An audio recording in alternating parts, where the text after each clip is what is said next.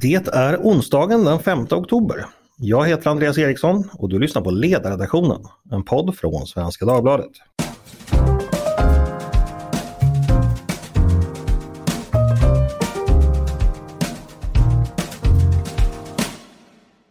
Varmt välkomna hörni! Idag ska vi ägna oss åt riksdagsarbete. Inte på riktigt förstås, utan hur, och vi ska lära oss hur sådant går till. Det ska helt enkelt bli lite praktisk statsvetenskap. För hur går det egentligen till i praktiken när våra riksdagsledamöter gör själva jobbet? Det är kanske inte det alla som är med på.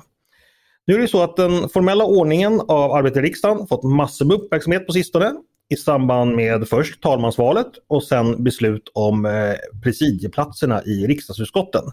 Och inte minst har de fyra posterna som ordförande i fyra utskott eh, som Sverigedemokraterna har fått väckt stor uppmärksamhet och diskussion. Så därför tänkte jag att vi skulle försöka eh, ja, bilda oss lite här helt enkelt. För vad betyder det egentligen att vara ordförande i ett riksdagsutskott? Ger den automatiskt en massa makt? Eller är det mest bara en fin titel att visa upp? Att man hamnar lite närmare kungen på Nobelfesten kanske? Och hur går egentligen det praktiska arbetet i utskottet till? Det tror jag också många är nyfikna på. Så det ska vi prata om i dagens podd och med mig för att göra det har jag två gäster. Eh, nämligen Paula Bjäller Eriksson, före detta riksdagsledamot för Sverigedemokraterna, numera krönikör på tidningen Alltinget. Och Karl Sigfrid, före detta riksdagsledamot för Moderaterna och dessutom flitigt förekommande som vikarie här på ledarsidan. Varmt välkomna båda två hörni. Tack så mycket. Tack, tack. Ja, som sagt, vi ska få praktisk statsvetenskap här till del. Paula, kan du börja med att ge oss lite grundläggande information? Vad är egentligen ett riksdagsutskott för någonting? Kan du förklara det med enkla ord för oss? ja, men ett eh, riksdagsutskott det är en, eh, en samling, en liten miniriksdag kan man säga. Det finns representanter från de flesta partier i, i princip alla fall, eh, så, så länge det finns tillräckligt många ledamöter från varje parti och det brukar det oftast finnas. Mm. Um, och så är det specialiserat på ett eller två eller tre i vissa fall politikområden. Eh, så att det är inte alla ledamöter som liksom läser in sig på alla motioner och alla frågor utan man har exempelvis då arbetsmarknadsutskottet som jobbar huvudsakligen med alla frågor kopplade till arbetsmarknadens villkor eh, men också har fått ansvar för integrationsfrågor och jämställdhetsfrågor. Så att alla de frågorna hanteras i det utskottet. Eh, ledamöterna som sitter där har huvudansvar för att ta ställning till de motioner som har lagts på området, till de förslag som kommer från regeringen på det området och så att säga förbereda de beslut som sedan fattas i riksdagen. Mm. Så det är helt enkelt en specialiseringsfunktion kan man säga. att Eftersom man inte kan ha koll på allt så får man dela upp ansvaret mellan sig inom ett, i en partigrupp helt enkelt. Ja, i princip. Mm. Så att, säga, när du sitter, eh, eller på den tiden du satt i riksdagen, eh, säg ett utskott du inte satt i, säg ja, Alltså, utbildningsutskottet, då, liksom, då litade du helt enkelt på att eh, er representant där var den som hade bäst koll på frågorna och du koncentrerade dig på ditt. Kan man säga så? ja, alltså, I grunden så är det så. Sen är det, jobbar ju alla ledamöter olika och man har sina hjärtefrågor. Eh, och man har ju gruppmöten i hela riksdagsgruppen och där kan man ju lyfta i alla fall hos oss så kunde man liksom antingen ställa frågor om, om man hade märkt någon motion i ett annat utskott. Då ska man först prata med de ledamöterna som sitter där helst. Men har man liksom någon tvist och inte tycker likadant så kan man alltid försöka lyfta det uppåt till gruppledning och ta upp det i hela riksdagsgruppen i slutändan.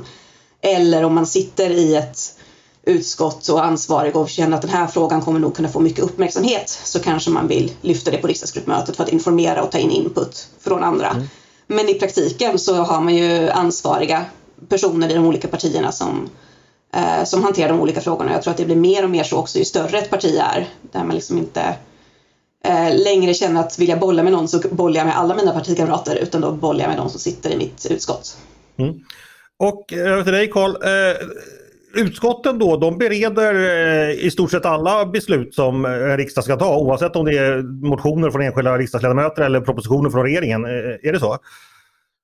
Ja, så är, så är det i princip. Att det, är, det är sällan som ett förslag går direkt till kammaren. Och när det gäller just motioner så brukar det ibland vara en ganska summarisk beredning. Alltså det är väldigt sällan som eh, motioner bifalls. När jag satt i riksdagen då hade vi en alliansregering och då var det ju väldigt tydligt så att, eh, så att säga, regeringsunderlaget hade en majoritet och ville eh, regeringspartierna göra någonting, då gjorde man det genom en proposition. Om det var någon som lade en motion så såg man väl det som överflödet, även om det var någonting som regeringen tyckte var okej. Okay, så avslog man det så att säga av slentrian för att man, man ville att det skulle gå den vägen genom regeringen. Och det är lite så som Sverige eh, är uppbyggt också, att, att det är på regeringskansliet som de har de här resurserna att göra ordentliga utredningar.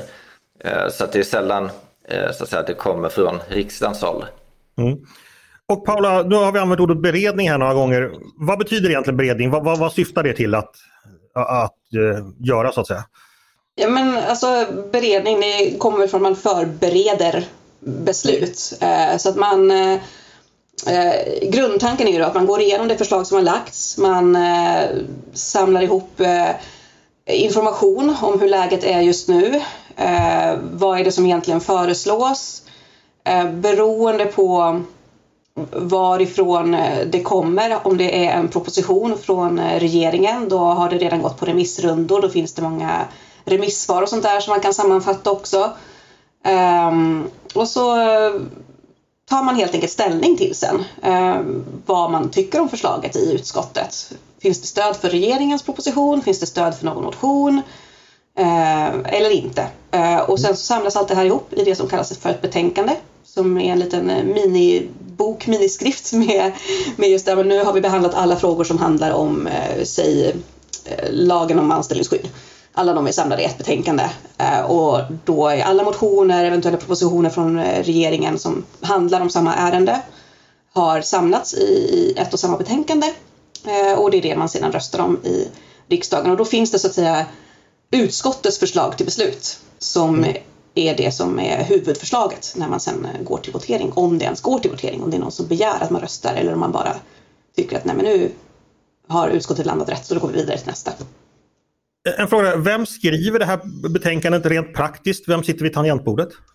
Utskottskanslierna, alltså de gör ju den absoluta merparten av, eh, av arbetet. De eh, går igenom och gör utdrag ur proposition, sammanfattar vad är det regeringen har föreslagit här, sammanfattar vad remissinstanserna har föreslagit, sammanfattar vad eh, eventuella motionärer har föreslagit, ehm, har koll på ifall det är så att ledamöter från olika partier har lagt förslag som är i princip identiska, ja men då har de också koll på så att om man vill lägga en reservation då blir det en gemensam reservation. Mm. Um, och så skriver de utkast till text och de skriver utkast till uh, reservationsförslag Eh, och oftast så blir det väl det som, eh, som sen också blir slutresultatet, även om man bollar såklart med respektive ledamot om det, om det är så att jag har skrivit en motion Eh, och vi i mitt parti vill lägga en reservation med grund i det jag då har föreslagit eh, så brukar jag bolla tillsammans med kansliet så att texten blir helt rätt. Och det här kansliet, det är inga politiker utan det är vanliga hedliga grå svenska byråkrater? Jajamän, så grå ja. är de inte. Jag tycker de brukar vara ganska trevliga och färgglada. Men, ja, men, färgglada, men, men hedliga byråkrater. Botox Cosmetic, botulinum toxin A, FDA approved for over 20 years. So, talk to your specialist to see if Botox Cosmetic is right for you. For full prescribing information, including boxed warning, visit BotoxCosmetic.com or call 877-351-0300. Remember to ask for Botox Cosmetic by name. To see for yourself and learn more, visit BotoxCosmetic.com. That's BotoxCosmetic.com. Karl, eh, när man kommer som ny riksdagsledamot, eh, hur mycket får man bestämma själv var, vilket utskott man hamnar i och hur mycket pekar partiet var man ska hamna? Och hur var det för din del? Eh, det handlar lite grann om hur senior man är. Alltså är man ganska senior och har en stark ställning i sitt parti då kan man i allmänhet välja vilket utskott man ska sitta i själv. Kommer man som helt ny, som jag då gjorde 2006, då blir det en slags kompromiss mellan vad man vill och var det finns ledig plats. Eh, för för det är ju så att vissa utskott eh, anses ju som lite mer eh, eftertraktade att sitta i än andra. Till exempel finansutskottet är det många som vill sitta i. Där finns det så att säga, en större efterfrågan än tillgång på platser. Ehm, och även utskott som utbildningsutskottet, socialutskottet är det många som vill sitta i. Det beror på att det är så många som kommer till riksdagen som tidigare varit kommunpolitiker. Och kommunpolitiker kan socialpolitik och skolpolitik för det har de redan jobbat med och man vill ju gärna ägna sig åt sånt man kan. Och då eh, kan ju såklart inte alla som vill eh, sitta i ett visst utskott göra det alltid. Eh, och då, eh, eh, i mitt fall, eh, då har det funkat så att man har fått fylla i någon slags liksom, eh, formulär helt enkelt. Här skulle jag vilja sitta, så gör man någon slags rangordning och så försöker man från partikansliets sida pussla ihop det så att så många som möjligt får så kommer så nära som möjligt det de helst vill. Ungefär så. Och så med, är det ju då som sagt så att de som är, de som är mer seniora brukar ha lite grann förtur när det är fler som vill in någonstans än vad det finns platser. Just det. Det där låter som lite som när vi delade ut rollerna till julspelet när jag gick i trean. Man fick fylla på i, i första hand, andra hand och i tredje hand. Och, och jag fyllde i att jag skulle vara värdshusvärden som sa att det finns tyvärr inga rum på härberget till Josef och Maria. Jag tror jag var den enda som hade ansökt om det. Så jag, jag, eh, du hamnade i konstitutionsutskottet, eh, Karl. Eh, är det eftertraktat? Eh, nej, alltså konstitutionsutskottet, det, formellt så är ju det riksdagens eh, främsta utskott. Eh, men om man ser till hur många som söker dit så är det inte ett utskott som det flockas kring. Och det kanske har lite att göra med det jag just sa. att det, det är inte ett utskott som jobbar med sånt som de som kommer till riksdagen redan kan. Utan kommer man dit så får man i allmänhet vara beredd att lära sig saker som man eh, eh så att säga, ligger utanför ens eh, komfortzon.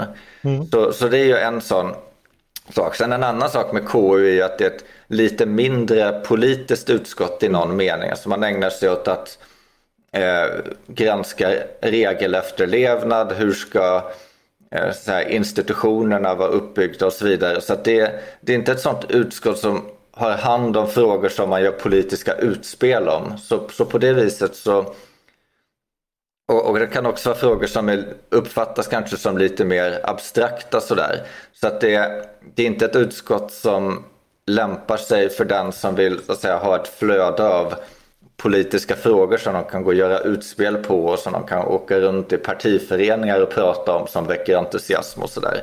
Å andra sidan kan man ju då, alla vi som uppväxt upp på 1980-talet minns ju KU med viss värme att det kunde ju göra politiker till tv-stjärnor. För på den tiden hade man ju, fanns det ju offentliga utfrågningar och Anders Björk är väl fortfarande ber, mest berömd för sitt uttalande att jag tycker icke det ankommer på Carl Lidbom att fälla sådana yttranden här. Men det fick du aldrig göra Carl. Ja, det hade jag nog fått om jag hade vågat. Ja, okay. Men jag, jag var lite mer timid. Men konstitutionsutskottet låter lite som de som sökte rollen som Josef. Den var liksom väldigt svår och många repliker så det var inte så många som sökte den, den heller då. Liksom, eh, för att fortsätta julspelsanalogin. Men du, eh, Paula, du satt i arbetsmarknadsutskottet och socialförsäkringsutskottet på din tid. Eh, mm. kan alltså, hade två utskott, skilde de sig åt i sättet att arbeta eller hur det var eller på något sätt? Förutom ämnena Både ja och nej. Alltså grunden är ju densamma. Eh, men sen tycker jag att det blev väldigt eh, tydligt att man har lite olika praxis. Kanslipersonalen har lite olika praxis. Um, för mig var det en ganska stor omställning. Jag tjafsade en del med kanslipersonalen vid socialförsäkringsutskottet när jag flyttade dit efter att ha suttit i AU för att man hade en uh, lite annorlunda inställning till hur, eh, var går gränsen för när det ska vara gemensamma motioner, var går gränsen för hur mycket ledamoten har att säga till om hur den egna reservationen ska vara utformad och vad kansliet säger, gör sina tolkningar.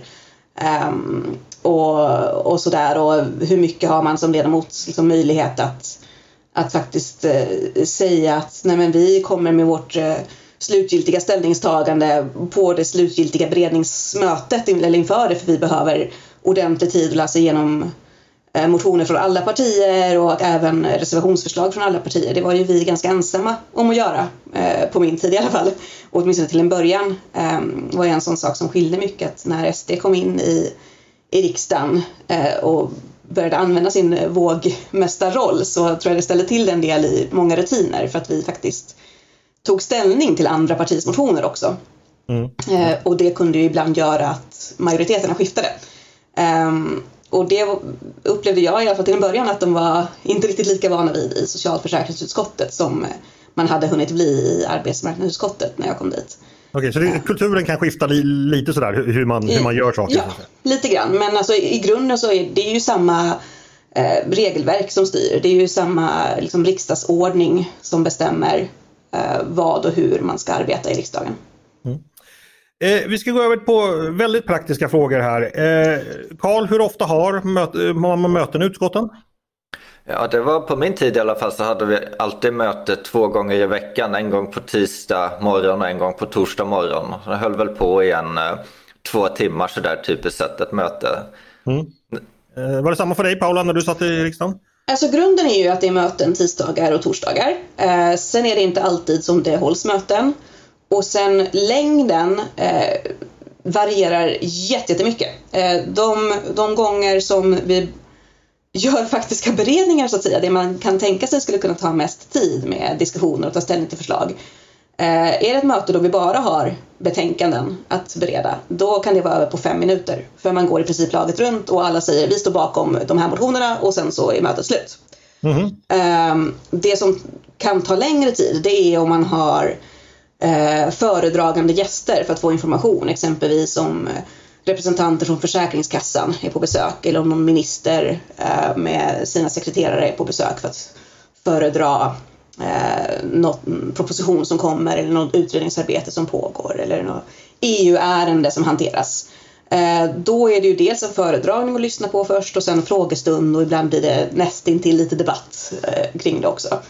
Eh, så att de mötena kan dra ut på tiden. Eh, mm. Men eh, ja, sällan att det blir mer än två, tre timmar långa. Det är liksom, då är det ett långt möte om det är upp till tre timmar. Okej. Eh, själva mötet Karl, hur, hur, går det till? Eh, är det så att man måste begära ordet så att det liksom är liksom som en miniriksdag där det finns en talman som delar ut ordet eller sitter man bara och pratar rent allmänt? Hur, hur går det till? Ja, nej det, det, är lite mer formellt än så. Alltså det, det, är inte så att folk så att säga, bara tar ordet som när man sitter ett gäng kompisar runt ett bord utan det är ordföranden delar ut ordet. Vill man säga något så man räcker upp handen och då sätts man upp på talarlistan och så, så går man igenom talarlistan. Så det, det, är, det är en eh, ganska formell tillställning. Sen så är det ju eh, inte offentligt det som sker i utskotten. Det, det sker ju bakom lyckta dörrar. Så, att, så i den meningen så blir det lite mer kollegialt. Det, det är inte så att man ägnar sig så mycket åt säga, politiska utspel. Man talar inte till publiken utan, utan man eh, pratar med varann. Och det är ju så att, säga, så att det är tänkt att funka också. Det är därför man har dem bakom lyckta dörrar. Därför att man ska kunna eh, diskutera med varandra på ett öppet sätt och, och ibland då kanske komma med något förslag som inte är helt genomtänkt. Man kan tänka lite högt utan att det är så farligt. Vilket man ju inte skulle göra i en, i en debatt i kammaren till exempel som, som är helt offentlig. Mm. Eh, Paula, samma fråga till dig. Eh, eller egentligen stämningen under mötet. Alltså sitter man, är det liksom ett lag som sitter tillsammans som gemensamt ska lösa eller jobbar man mot varandra? Kan du ge oss lite inblick i hur det är? Alltså det är väl... Eh, eh, jag har väl snarare upplevt det varken eller utan det är mer att man sitter där i sina partier eller samarbetskonstellationer så kanske man småpratar lite med varandra men det är inte så att man har någon direkt debatt mot varandra. Möjligtvis kan man ställa liksom spetsiga frågor om man har någon föredragande för att kunna liksom sen, haha, titta, här är expertmyndigheten håller med mig, se nu när jag ställde en bra fråga liksom och fick svar som gick min väg. Eh, men man talar ju, eh, som sagt, är det bara beredningar av eh, förslag, då pratar man knappt med varandra, då säger man vad man står bakom och inte. är det mer tillfällen då det faktiskt är så att man ställer frågor och sånt, då är det ju mellan ehm, mellan politikerna som sitter där och frågorna ställs till experterna eller de inbjudna gästerna. Ehm, och då blir det också en, alltså man anpassar ju samtalston och frågor efter det. Så att det är varken så att man sitter och småpratar med varandra eller att man eh, bråkar med varandra för det är liksom inte de tillfällena som är mm. i utskotten. Och liksom när man kommer och går när det är kaffepaus och sådär, eh, umgås man som kollegor då? Karl, liksom är det så att smyger varje konstellation eller partigrupp ut för sig och dricker kaffe? Och, kan du ge oss någon insyn i det? Ja, det, det har nog mer med personkemi och personligheter att göra. Eh, min erfarenhet är att eh, det är ganska god stämning över partigränser och över blockgränser och att Eh, I och för sig så används ju kaffepauser ofta för att eh, sitta och då kanske diskutera någon eh, gemensam position inom ett parti eller inom ett block och då, då blir det ju så att man delar upp sig lite. Men, eh, men, men eh, det är man socialiserar över partigränserna också. Det, det, är inte så att det är någon Alltså den här lite dåliga stämningen som man kanske kunde tro att det är när man tittar på kammardebatterna så, så är det inte riktigt utan eh, det är, alla vet att det är lite skådespeleri det som eh, sker i den offentliga debatten. Mm. Eh, så, att, så att folk som, folk som går ganska hårt åt varandra, de, de kan eh, bakom kulisserna ändå eh, så att säga, prata på ett mer normalt sätt. Sådana historier kan följa, fylla många poddar med. Kan jag säga. Eh, en fråga Karl, du satt ju i riksdagen 2010 när Sverigedemokraterna kom in. Eh, hur var det då? För då var det ju väldigt eh, en annan, så att säga, Sverigedemokraterna betraktades på ett annat sätt än vad de gör idag. Syntes det eller märktes det också i utskottssammanträdena? Ja, det, det var ju ganska tydligt i och med att det fanns två block och sen så fanns Sverigedemokraterna då som inte tillhörde något av de två blocken. Och det blev ju en, det blev en ganska konstig situation ofta därför att eh, den sverigedemokratiska ledamoten hade ju då eh, utslagsrösten i konstitutionsutskottet.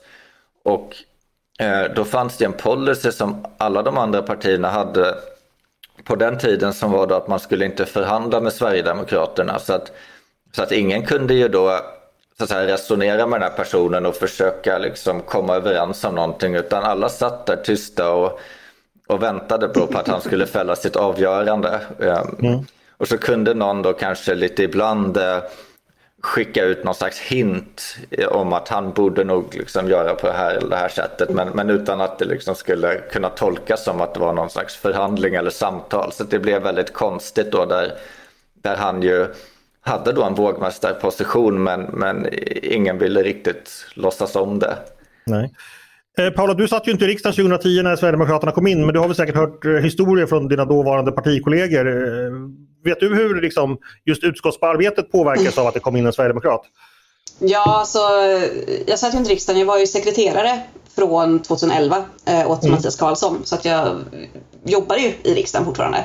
Mm. Um, och det är väl svårt för de som kommer in att veta hur det påverkar arbetet. Men jag tror väl just, och det intryck jag har fått är väl att den största skillnaden var ju det här att, och det märkte jag nytt fortfarande när jag liksom blev ledamot, att vi faktiskt liksom förvirrade och förändrade praxis på många sätt i och med att fram tills dess då var det väldigt sällan som man faktiskt behövde kanske läsa motioner från andra partier än sitt eget eller sin egen liksom, partikonstellation. För att man, eh, ja, det skulle ändå röstas ner för det var ändå majoritetsregeringar eller majoritetskoalitioner bakom regeringen. Ehm, um, Medan när det kom in ett parti som var så tydligt vågmästare och som också använde den rollen och fällde avgöranden. Uh, och när i takt med att fler och fler från de andra partierna insåg att här, de här de läser faktiskt igenom våra motioner också och helt plötsligt så kan en sverigedemokrat stötta en motion från Vänsterpartiet som gör att den motionen vinner. Um, som jag tror den första motionen som vann uh, där Sverigedemokraterna också hade skrivit en likalydande motion var väl just vann tack vare att Vänsterpartiet också hade lagt en motion med samma förslag. Det rörde väl uh, bemanning inom demensvården.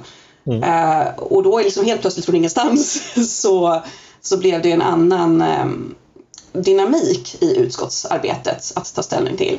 Samtidigt som såklart det var ju problematiskt med den här Alltså det, det måste ju varit jättekonstigt att veta att avgörandet ligger hos någon jag inte får prata med.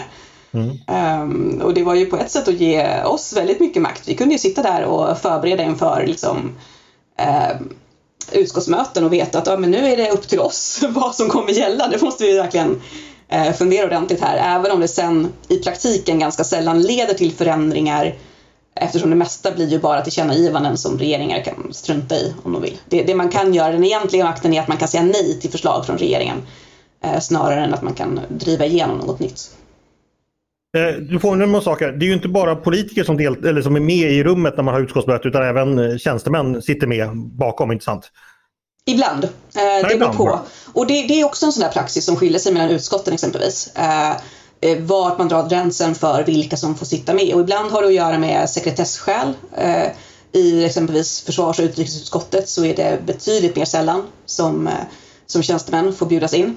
Ehm, och ibland så är det, eh, har man en mer generös policy. Och jag var ju ganska van vid när jag, när jag satt i arbetsmarknadsutskottet och även när jag var sekreterare åt Mattias Karlsson som satt där ett tag att, att jag fick vara med relativt mer ofta än vad man hade som policy i socialförsäkringsutskottet exempelvis. Um, så det, det, är en sån eh, praxis mellan utskotten och där man också fattar beslut i, i princip det första mötet man har på mandatperioden. Så det började väl ha fattat i, ja, igår då, vi spelar in det här. Um, att eh, ja, men vilken arbetsordning kommer vi ha? Vad har vi för praxis? När får man ta med sig um, sina sekreterare? Måste man föranmäla dem eller inte och sådär. Just. Hörrni, vi ska övergå det till det, liksom det som har blivit den stora diskussionen eh, den här och förra veckan, det här om presidieplatser. Eh, den som är ordförande i utskottet, eh, är det viktigt vem som är ordförande?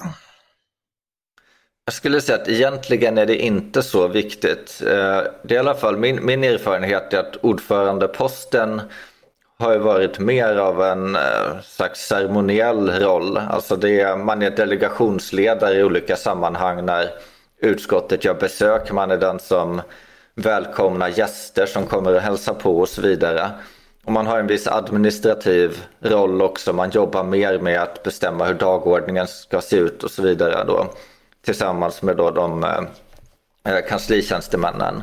Eh, däremot så är det ju inte så att man har någon nödvändigtvis någon jättetung politisk roll i utskottet. Men även eh, eh vänsterpartister kunde ju vara utskottsordförande under en alliansregering och så vidare. Och då säger det sig självt att det betyder inte att de har eh, ett stort inflytande över hur politiken faktiskt blir.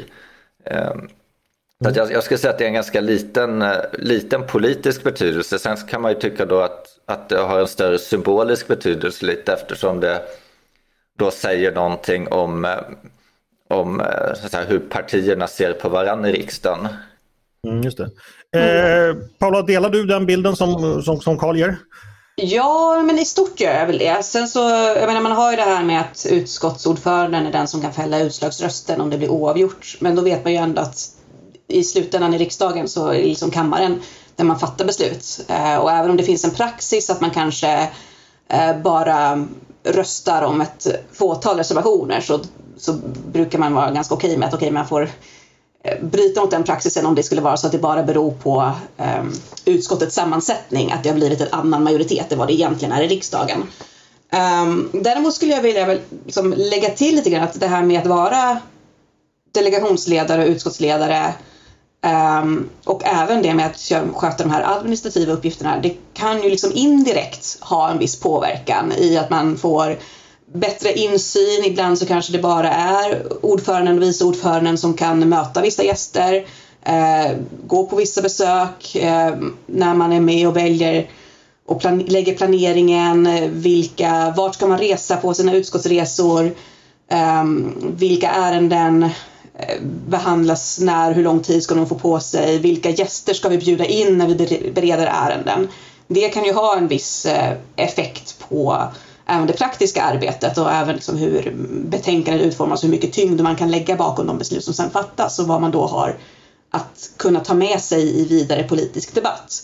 Mm. Så en viss ehm. indirekt inflytande kan man ja, säga? Ja, indirekt långsiktigt inflytande ja. så att säga snarare än eh, än att man har liksom en direkt påverkan här och nu. Men eh, symboliskt så spelar det absolut roll. Eh, Carl, när, när det här bestäms vilka som ska vara ordförande i olika utskott, det gör ju partierna upp sinsemellan. Eh, du kanske inte har varit med om men kan du bara berätta eh, hur, hur går det till? Vad, vad vet vi om det? Ja, alltså först så eh, är det ju så då att de respektive block då måste, ska få ett eh, antal utskott var att dela på. Och sen så inom blocken då så är det ju en förhandling mellan partierna. Praxis är ju att det då är eh, i proportion till partiernas storlek som de delas ut. Ehm, sen blir det väl eh, då en fråga mest om hur, hur högt olika partier prioriterar eh, olika utskott. Det blir en förhandlingsfråga helt enkelt på samma sätt som, som det blir mellan regeringspartierna om, om eh, vem som ska ha vilken ministerpost. Mm. Just det. Eh, och Paula, nu tänkte jag fråga dig lite. Eh, ditt gamla parti står ju som jag sa inledningsvis, de står i centrum för den här diskussionen. Eh, man var del av en segrande majoritet, man har fått åtta presidieplatser varav fyra platser som ordförande. Vad skulle du säga att det betyder för Sverigedemokraterna som parti? Men det betyder jättemycket. Eh, varje steg som tas liksom, bort från att vara utfryst eller särbehandlad eller inte får släppas in eh, till att faktiskt få vara med och delta på lika villkor är ju en, en stor vinst. Eh, för partiet att kunna lyfta fram och säga att nu, nu har vi liksom nått den här positionen också. Eh, sen tycker jag personligen att det också är en vinst för demokratin att man behandlar alla folkvalda eh, som just folkvalda på samma villkor. Eh, så att symboliskt så har ju det ett jättevärde eh, och det är ett jätteerkännande. Det var ju många som förväntade sig och, och, tyckte att det borde man kanske ha fått åtminstone redan förra mandatperioden när man har suttit två mandatperioder redan, man är liksom tredje största parti, eh, har byggt upp en hel del erfarenhet och borde i egenskap av sin storlek, även om man inte ingick i något block, ha fått eh, någon utskottsposition någonstans. Eh, mm. Hur mycket tror du man har prioriterat det här med presidieplatser när man har gått in i förhandlingarna med de borgerliga partierna? Nej, men om man ser till vilka utskott man har fått dem i så har det absolut varit prioriterat. Det är ju, och det har också varit liksom, eh, prioriterat på ett sätt som visar att man vill verkligen vara ansvarstagande och ha roller i tunga utskott eh, och utskott som hanterar viktiga frågor. Inte bara liksom, det var ju många som spekulerade i att eh, SD skulle vilja ha um, kulturutskottet exempelvis.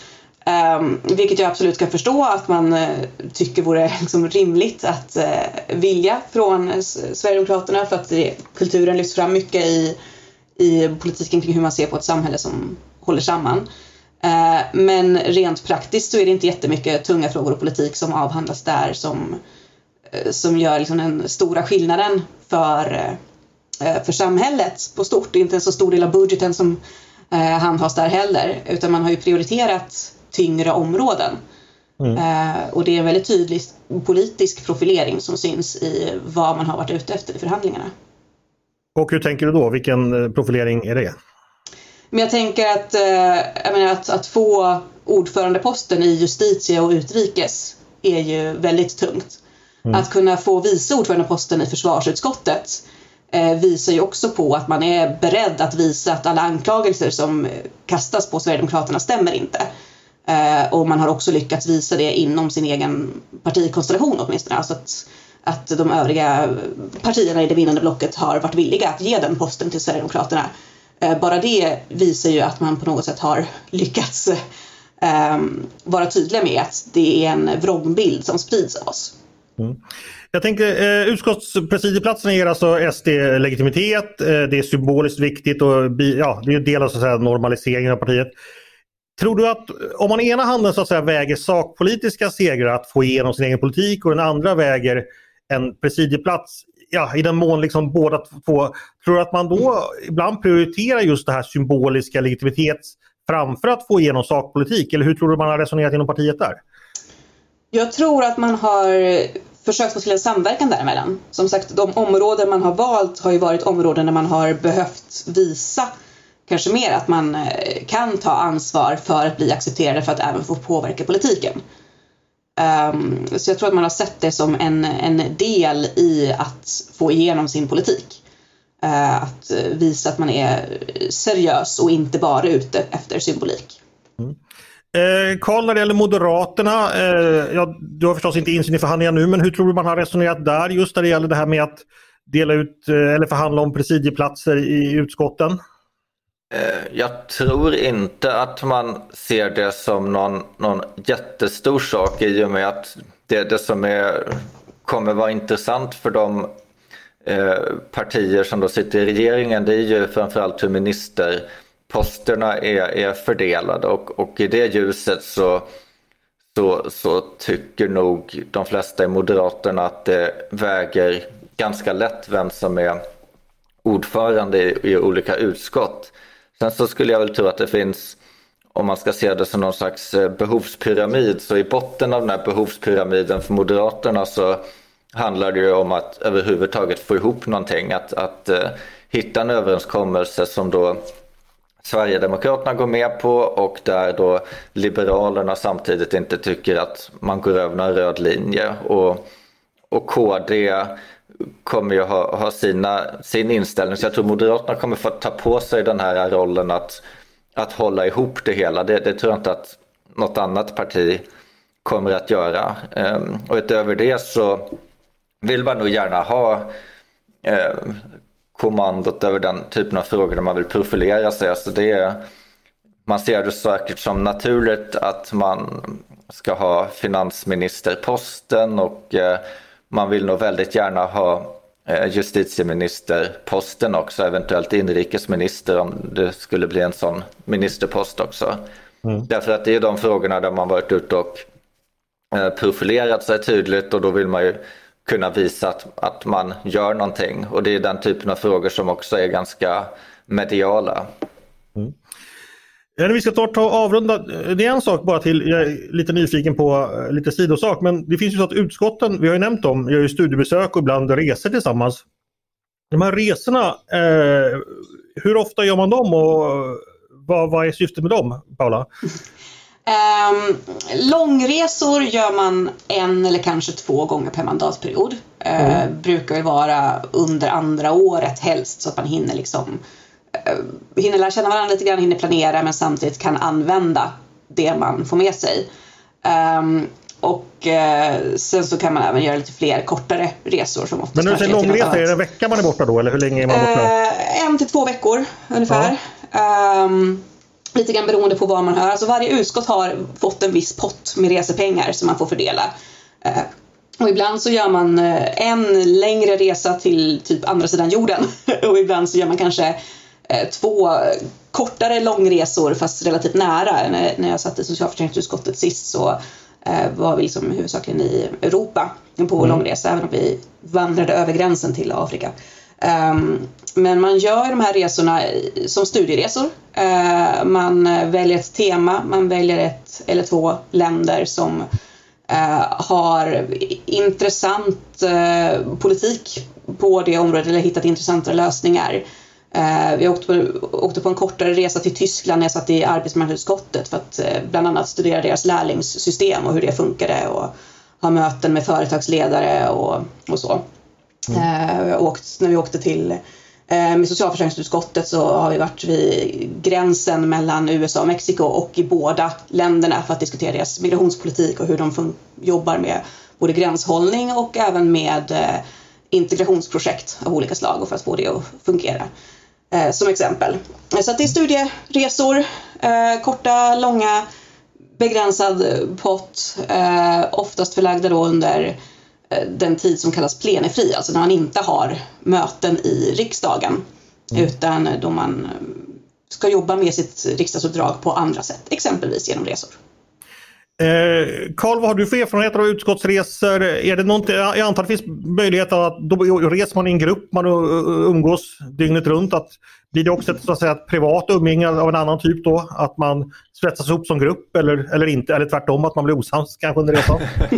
kan du berätta något om det? Ja, det kan säkert hända i värsta fall. Nej, min, I uh, min erfarenhet så, så, har det varit en, en ganska positiv erfarenhet. Alltså folk som man uh, som man eh, sitter och eh, liksom förhandlar med i utskottsrummet. Eh, sitter man och umgås med lite mer avslappnade former mm. sådär. Så att, det, det tycker jag varit rent positivt. Så vi åkte, när jag satt i KU till exempel så gjorde vi en stor USA-Kanada-resa och studerade då framförallt deras maktdelningssystem och hur, hur man utser domare till högsta domstolen och den typen av frågor som ju ligger inom KUs område. Mm. Att jag, nej, men jag tror att eh, de flesta får nog en mer positiv eh, bild och mer nyanserad bild av, av eh, sina utskottskollegor i alla partier mm. tror jag i de sammanhangen. Om den bilden så att säga blir eh, väldigt positiv, vi talar ju trots allt om vuxna människor som åker på konferens tillsammans. Händer det någonsin att man så att säga, ja, vi vet ju vad som kan hända när vuxna människor åker på konferens. Eh, Paula, är, är, är umgänget, ja, Tass i, tass i hotellkorridoren, sängfösar och så vidare. Händer sådana saker också?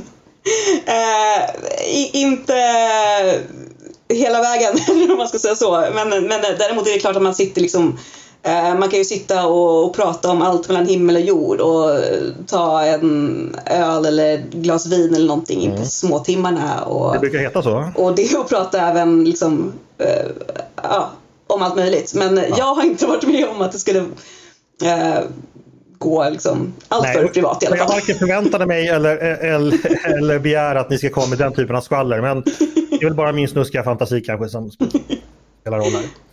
Men hörni, eh, jätteintressant att prata med er. Är- Är det någonting ni skulle vilja lägga till kring så att säga, just utskottsarbetet och utskottens funktion som ni tror att eh, vi utomstående inte riktigt förstått eller någonting ni tycker är viktigt att lyfta fram kring det hela? Eh, ja, så, som så säga, man verkligen förstår när man väl sitter i utskottet.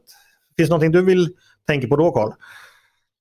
Nej, egentligen inte. Utan eh, jag tror att eh, mycket av det som, vi, det som är dagsaktuellt nu eh, när vi diskuterar då betydelsen av eh, att ha en framstående position i ett utskott så är det nog en till stor del gentemot media som, som det är betydelsefullt snarare än i riksdagshuset. Alltså medierna kan då möjligen tycka att det är mer intressant att eh, ordföranden för ett utskott till exempel kallar till sig någon från en myndighet eh, för att förklara någonting än om det är en vanlig utskottsledamot. Mm. Okej, Paula, vill du skicka med någonting som slutord? Nej, inte egentligen. Alltså jag, min bild av tiden i riksdagen var ju att jag blev ganska besviken på hur lite samtal och diskussioner och överläggningar som faktiskt sker i utskotten. Jag, jag har fått intrycket av att just konstitutionsutskottet, det Karl sagt, var, har, är lite unikt där för man försöker ofta nå konsensus och diskutera betydligt mer än vad man gör i andra utskott. Så att jag hoppas väl att man eh, inte faller tillbaka till att ha ännu mindre diskussioner nu när det blir så tydliga majoriteter utan man faktiskt kan eh, nyttja utskottsmötena bättre. Vi får se hur det går med det. Eh, stort tack eh, Paula Bjäller Eriksson och Karl Sigfrid för att ni ville komma och eh, prata med mig idag. Tack. Tack! Tack till er som har lyssnat också. Jag hoppas ni lärde er lite mer av denna lektion i praktisk statsvetenskap. Det ni har lyssnat på det är förstås Ledarredaktionen, en podd från Svenska Dagbladet. Ni är varmt välkomna att höra av er till redaktionen med tankar och synpunkter på det vi precis diskuterat. Eller om ni har förslag på det vi ska ta upp i framtiden. Maila då bara mig på ledarsidan snabla svd.se. Dagens producent har varit Jesper Sandström. Jag heter Andreas Eriksson och jag hoppas att vi hörs igen snart.